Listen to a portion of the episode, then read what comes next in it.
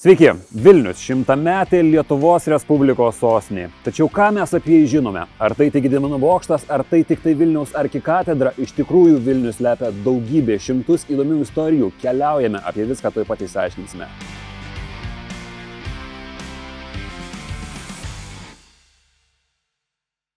Taigi šiuo metu esame Bernardinų bažnyčios užkulisiuose, jeigu galima taip sakyti, ir šalia manęs yra Milisenta Misevičiūtė, gidė, edukatorė, skautė ir šiaip nuostabus žmogus. Sveiki, Milisenta.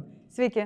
Tai esame Bernardinų bažnyčios užkulisiuose, aš taip įvardiju, ar ne, kokia čia yra vieta ir tokia istorija net gelsuoja, jeigu taip galima pasakyti. Taip, tai esame procesijų koridoriuje ir galime pasižiūrėti čia nuostabės freskas ir netgi yra sienų sluoksniai, kuriuose matosi, kad iš tikrųjų čia per daugybę metų, nes Bernardinai įsikūrė juk nuo 15 amžiaus Vilniui Ir, ir iš ties tai yra vieta, kurią verta aplankyti, o dažniausiai žmonės ateina prie Onos bažnyčios ir taip lik netyčia, ten taip kukliai pasislėpęs visas Bernardino ansamblis, bet tikrai verta čia ateiti. Mhm. Sakot, verta ateiti, verta aplankyti. Įsivaizduojam, aš esu žmogus iš a, miestelio, ar ne, bet kurio Lietuvos kampelio. Atvažiuoju čia, a, man yra keli svarbiausi dalykai. Vienas iš jų, kur nemokamai pastatyti automobilį ir palikti jį kuo ilgesniam laikui. Ir kitas, ką įdomaus pamatyti Vilniuje per maksimaliai trumpą laiką. Ką pasiūlytumėt? Mhm. Per maksimaliai trumpą laiką, tai tradiciškai nieko nenustebinsiu pasakius, kad tai turėtų būti Gedimino kalnas. Į Gedimino kalną galima užlipti iš e, kitos pusės, negu tradiciškai mes esame įpratę, nuo Vilnelės, arba galima užkilti funikulierium. Ir kodėl sakau, kad tai tas tradicinis vaizdas, nes, na, geriausiai jį žinom, atsisuki į senamiščio pusę, raudoni stogai ir tas e, trijų kryžių kalnas ir trys kryžiai atrodo ranka pasiekiami, bet jeigu nueini į kitą pusę, ten atsiveria tas mūsų modernusis Vilnius, juk su visais tais dangoraižiais, aišku, ir sporto rūmai matosi, o dabar apačioje ten juk yra sutvarkytos neries krantinės, tai gal norėsis pasivaikščioti būtent ir toj miesto daly.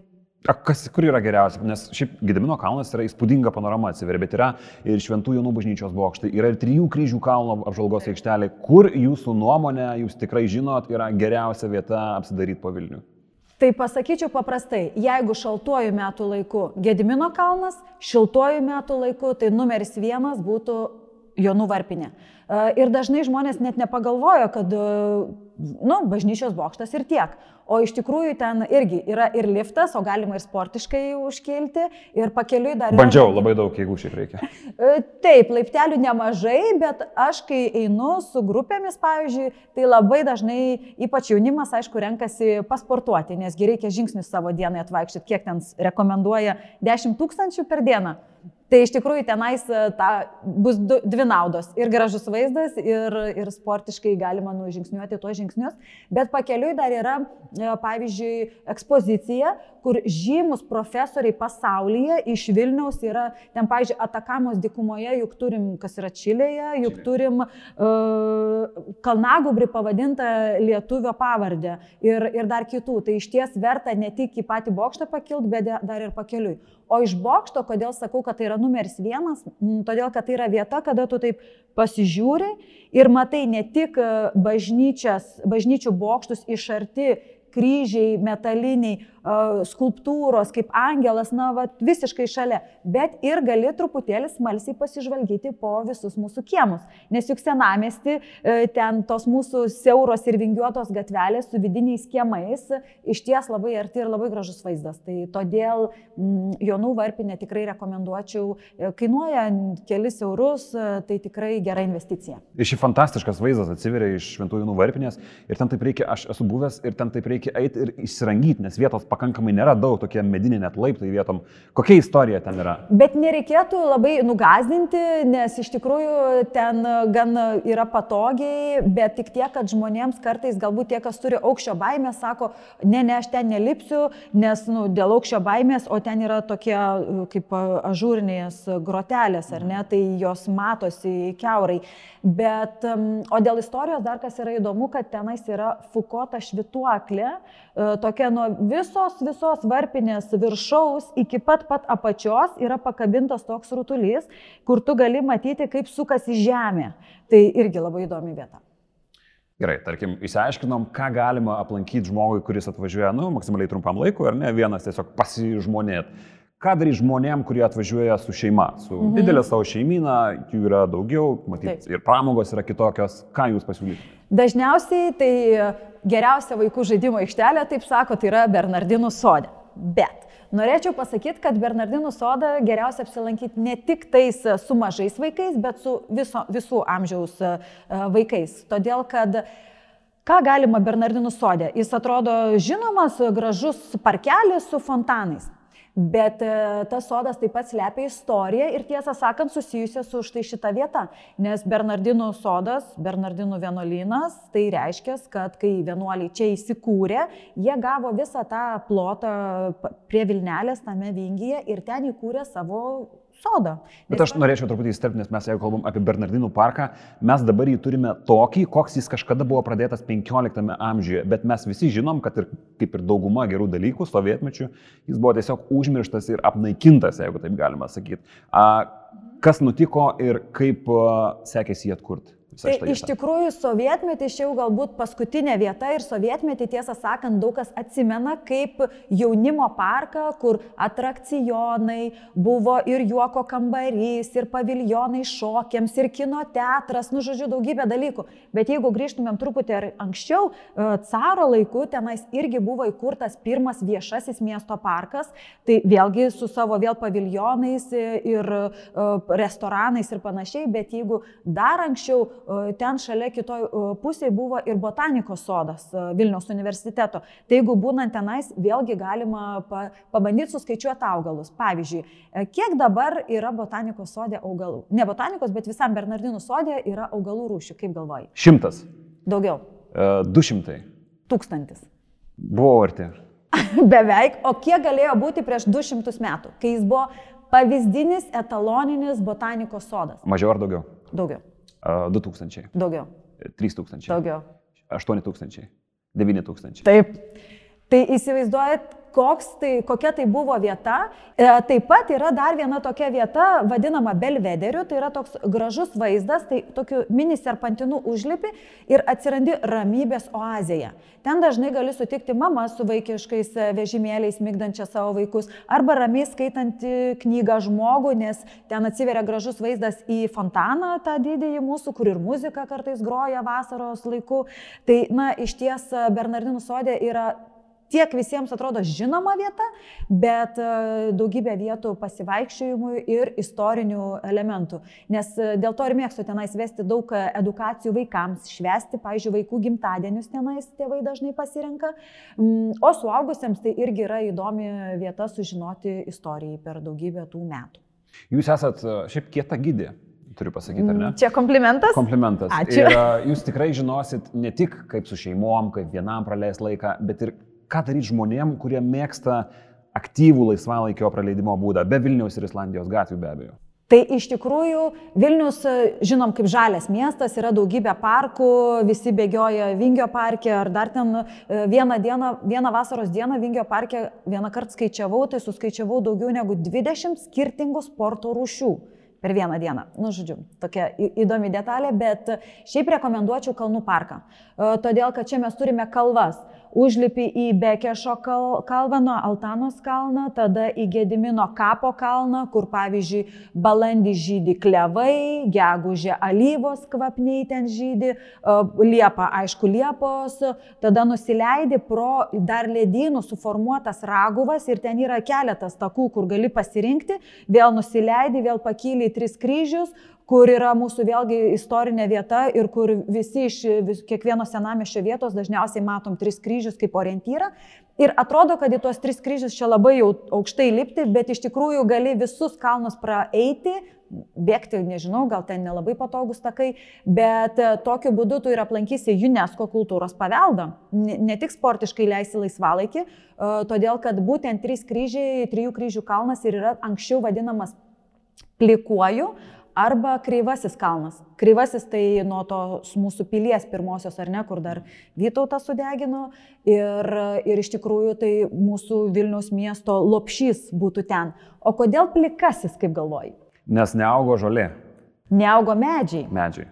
Tai dabar ar lengvai pavyktų įsivaizduoti visą kalnų parką be medžių? Pakankamai pavyktų, nes Gedimino kalno pavyzdį turim. Tai va taip ir turėtumėm įsivaizduoti visus kalnus.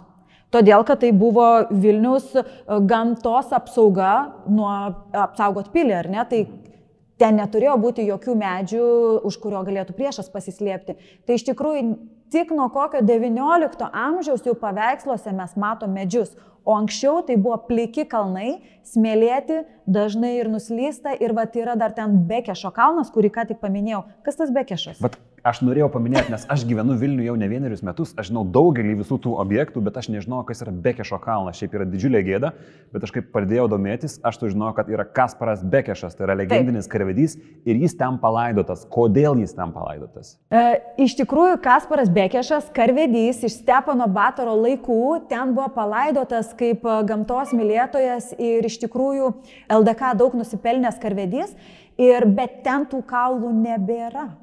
Kaip sakiau, ar net tos kalvos visada matom, kad jos yra smėlėtos, o Vilnelė anksčiau buvo žymiai sraunesnė ir vandeningesnė ir tiesiog nekartai yra slinkę šlaitai ir vieno didžiojo slinkimo metu nuslinko visas antkapinis statinys, ten toksai, kuris buvo Bekešo kapo vietą žymintis, nuslinko su visais kaulais. Tai iš ties m, ir apie tą Gedimino kalną mes vis čia kalbam, kad slenka, slenka, bet tiesą sakant, per daugybę amžių ne vieną kartą ir ne vienas kalno šlaitas yra slinkęs. Vilnius yra turtingas architektūra, ar ne? Čia yra visko pilna, viskas gražu. Aišku, turim ir mūsų Šventosonos bažnyčią, kas yra lietuvių Michaelas Jacksonas, sakykime taip, ar ne?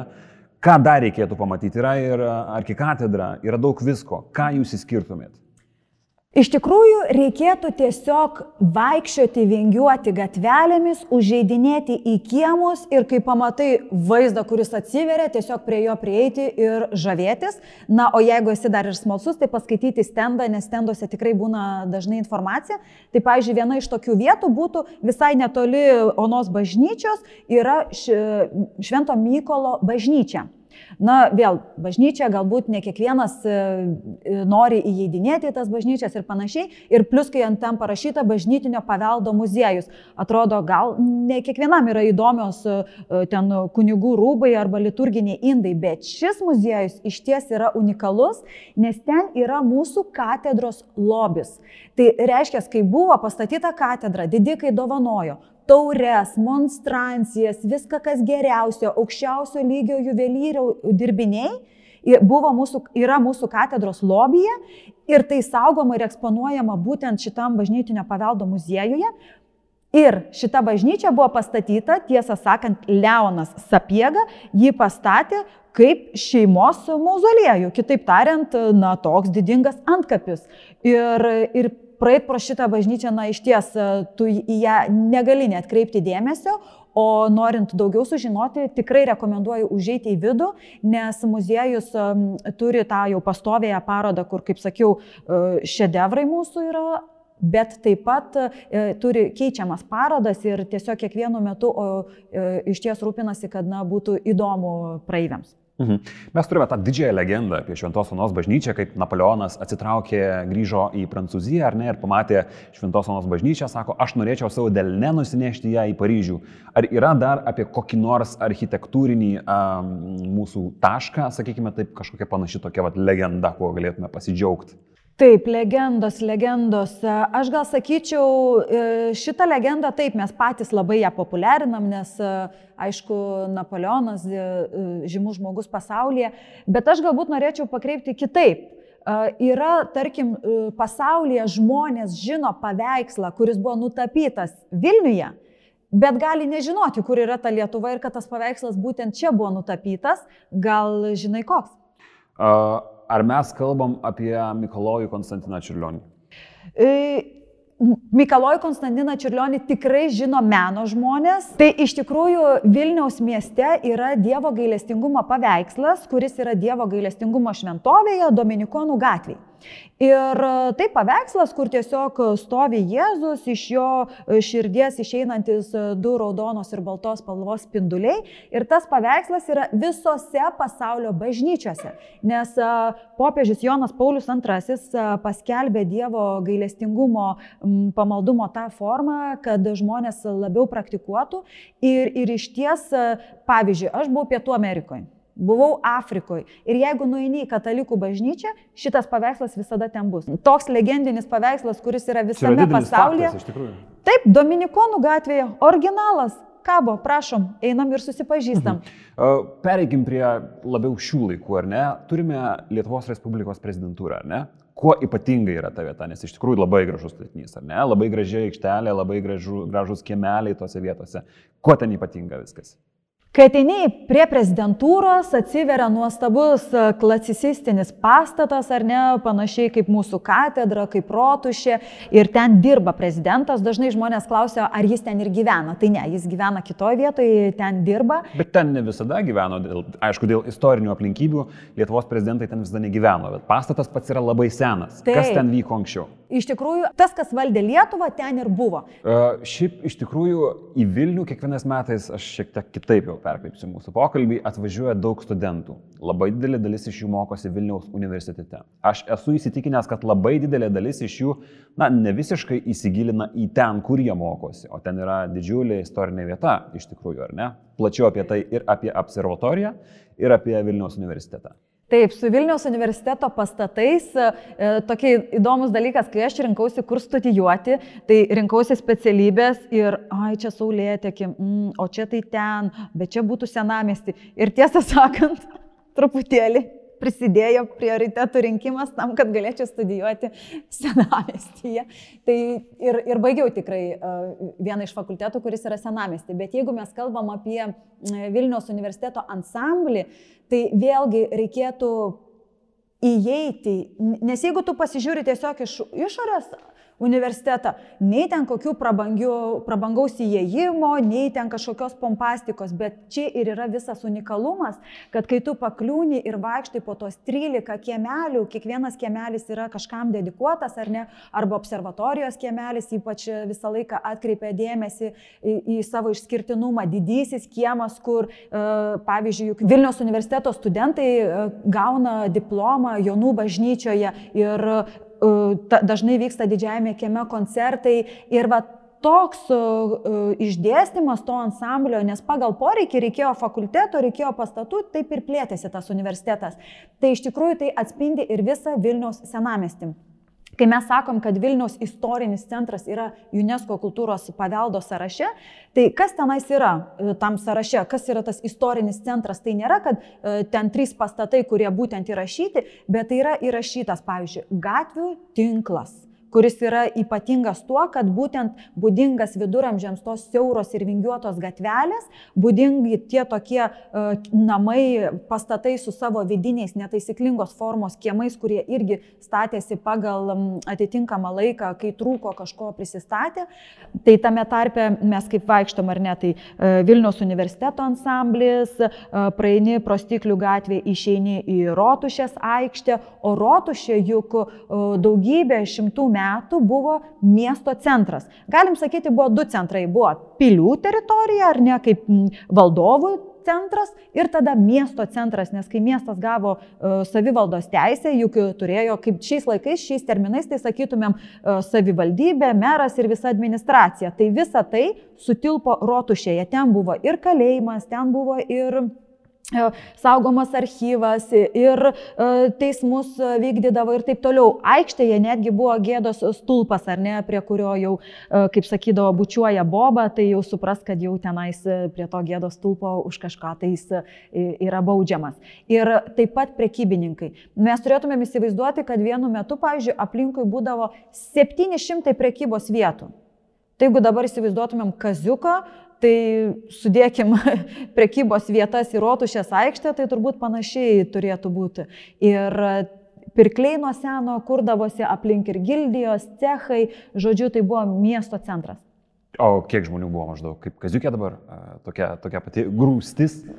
Reikėtų paskaičiuoti, bet grūstis tai tikrai turėjo būti, nes tie tokie mediniai paviljonai, jie tikrai per laikus keitėsi. Mes kalbam apie amatus, ar ne, bet nuo amatų neatsiema gatvė yra visiškai šalia rotušės, stiklių gatvė, ar ne? Taip. Turbūt nedaug kas žino, kad ta rami, šiek tiek prabangi dabar gatvelė jauki anksčiau buvo didžiulis amatininkų ir, ypatingai svarbus dalykas, žydų centras, ar ne? Būtent. Tai iš tikrųjų, kalbant apie žydus, kodėl tai yra ta vieta, dažnai žino žmonės tiesiog kaip antro pasaulinio getą. Bet neturėtumėm tik tais e, kalbėti apie antro pasaulinio getą ten buvusi, bet taip pat turime kalbėti apie tą vietą kaip apie žydų, buvusi žydų kvartalą, kur buvo ir didžioji sinagoga. Vilniuje iš viso vienu metu buvo virš 130 sinagogų. Tik tais šiandien dienai, aišku, turime vieną veikiančią, e, truputėlį reikėtų išeiti iš e, šios, šio kvartalo, nueiti iki Pylimo gatvės ir ten yra iki šiol veikianti e, choralinė žydų sinagoga į, į kurią taip pat ten atrodo varteliai, jie uždaryti, e, bet um, iš tikrųjų jie yra labai atviri ir laukia smalsių žmonių. Ir dabar tų sinagogų nėra tiek veikiančių, be jokios abejonės reikia pridėti dėl e, nacistinio e, režimo palikimo, taip, taip. ar ne, savotiško. Taip, tai, pažiūrėjau, kaip kalbėjau, kad, pažiūrėjau, grindinėje yra palikti ženklai, kur buvę pastatai. Tai, pažiūrėjau, visas Sirvidos skveras, jis juk buvo pilnai užstatytas pastatais, neliko po antro pasaulinio karo.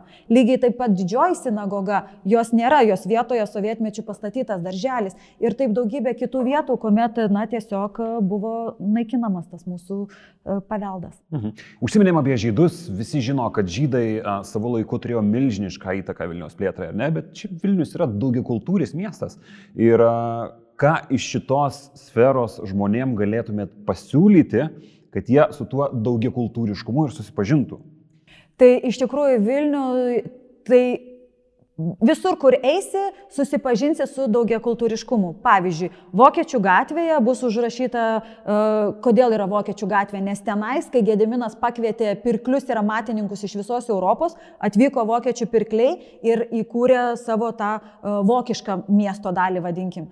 Taip pat, kai uh, skirtingų laikų buvo netgi Rusėnų miesto dalis, maždaug nuo literatų sienos link Savičiaus, nuo literatų gatvės link Savičiaus gatvės E, iki pat užupio tilto visa šita teritorija buvo rusėnų gyvenama teritorija, kurioje šitoj mažoji vietoje sutelkta e, ten daugybė cerkvių, ar ne? Taip pat e, turime ir daugybę Lenkų, ar ne, kurie irgi gyveno čia, rašytojai, poetai ir kiti svarbus žmonės. Tai, pavyzdžiui, va, visiškai čia netoliese ir stovi Adomo Mitskevičiaus skulptūra, ar ne? Ir ta skulptūra turi vieną įdomybę. Kaip manai kokią? Su skambučiu girdėjau, kad kažkas yra. Taip, Vilniuje turime daugiau nei 20 skulptūrų, kurios kalba. Tai jeigu, pavyzdžiui, vaikštai vienas ir norėtųsi, kad nu, kažkas kažką papasakotų ar pasikalbėti, tai, pavyzdžiui, prie Adomo Mitskevičiaus su telefonu tiesiog reikėtų nuskanuoti QR kodą ir pats Adomas prabiltų ir papasakotų apie savo jaunystės dienas Vilniaus mieste. Labai įdomu, dar pabaigai norėjau paklausti, jūs esate daug ekskursijų labai pravedusi, ar ne? Ko dažniausiai žmonės klausia, va taip įdomu sužinoti? Kokie tokie paprasčiausi klausimai būtų? Einam čia, pažiūrėsim tą ir tą. Ar kokie būna klausimai?